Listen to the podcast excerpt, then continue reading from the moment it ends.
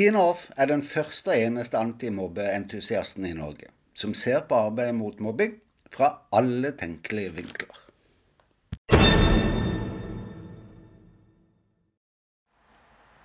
Tidligere kunnskapsminister Torbjørn Røe Isaksen sa i Stortinget før skolemiljøloven trådte i kraft, at tiltaksplanen mot mobbing kan ikke være avhengig av hvem som sitter i regjering eller ministerposten hadde han visst hvor rett han hadde. Men tenk om han også hadde inkludert alle øvrige stillinger involvert i mobbesaker. Det hadde vel vært noe. Vel, fikk han rett med sin lov- og regelverksendring, tror du? Kan vi snakke om det? Klart vi kan. Velkommen til episode 36.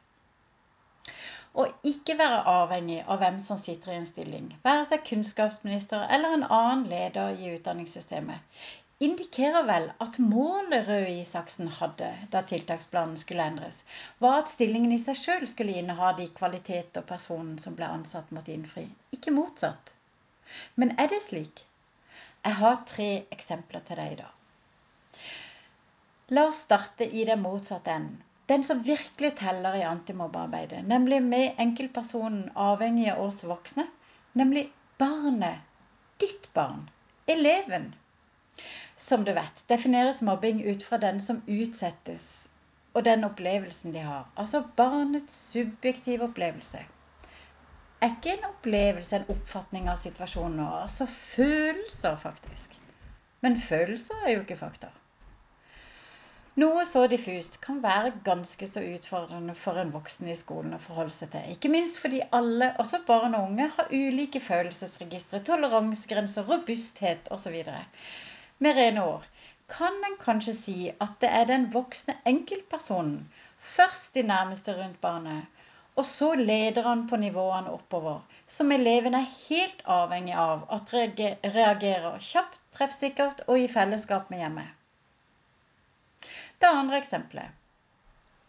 Så hvordan ligger vi an da, blant voksne ledere i utdanningssystemet? Her kunne jeg pekt på flere forskningsoppgaver som finner det samme, men jeg velger Anne-Berit Emstads funn om skoleeiere og kompetanseutvikling. For hun finner at hvor mye eller lite skoleeiere fokuserer på og driver med, skole, med kompetanseutvikling av rektorer og skoler i sin kommune, det er helt avhengig av. Enkeltpersonens personlige interesser og egenskaper ikke stillingsinstruksen til skoleeier. Kanskje er dette funnet relevant for ledere i utdanningssektoren også høyere oppover. Hvis så er tilfellet, og vi svarer ja, enkeltpersonene blir helt avgjørende faktisk for barnets ivaretagelse og bedring. Være seg læreren, rektoren, skoleeier, saksbehandlinger, statsforvalter, lokalpolitikerne og kunnskapsministeren. Er ikke det et stort sjansespill? Det tredje eksempelet, da. Det endelige leddet i antimobbesystemet, nemlig ved prøving for domstolen. Også når det gjelder barnets rettssikkerhet, faller satsingen på enkeltpersonen, nemlig på dommeren. I hvert fall om vi skal lytte til juristene. Allerede i 2011 vurderte Velstad og Varp at elevenes følelser med sin skolesituasjon forbindes etter vårt skjønn ikke med rettsanvendelse. Dette vanskeliggjør, for ikke å si umuliggjør, en vellykket sikring av elevenes rett til et trygt og godt psykososialt skolemiljø. Det er jo nettopp det subjektive, følelsene, som avgjør om det er mobbing vi snakker om. Likevel er det altså på et ikke-rettsanvendelig område det største slaget skal stå, interessant. Ja, særlig når en ser hvor mange av sakene som prøves for retten, som tapes av familien.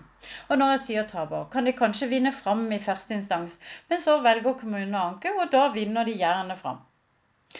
Jeg bare nevner at jeg til nå ikke ennå har møtt noen familie som ønsker å hyre en advokat, bla opp av privatøkonomien og gå til sak mot kommunen om det virkelig ikke er grunnlag for det.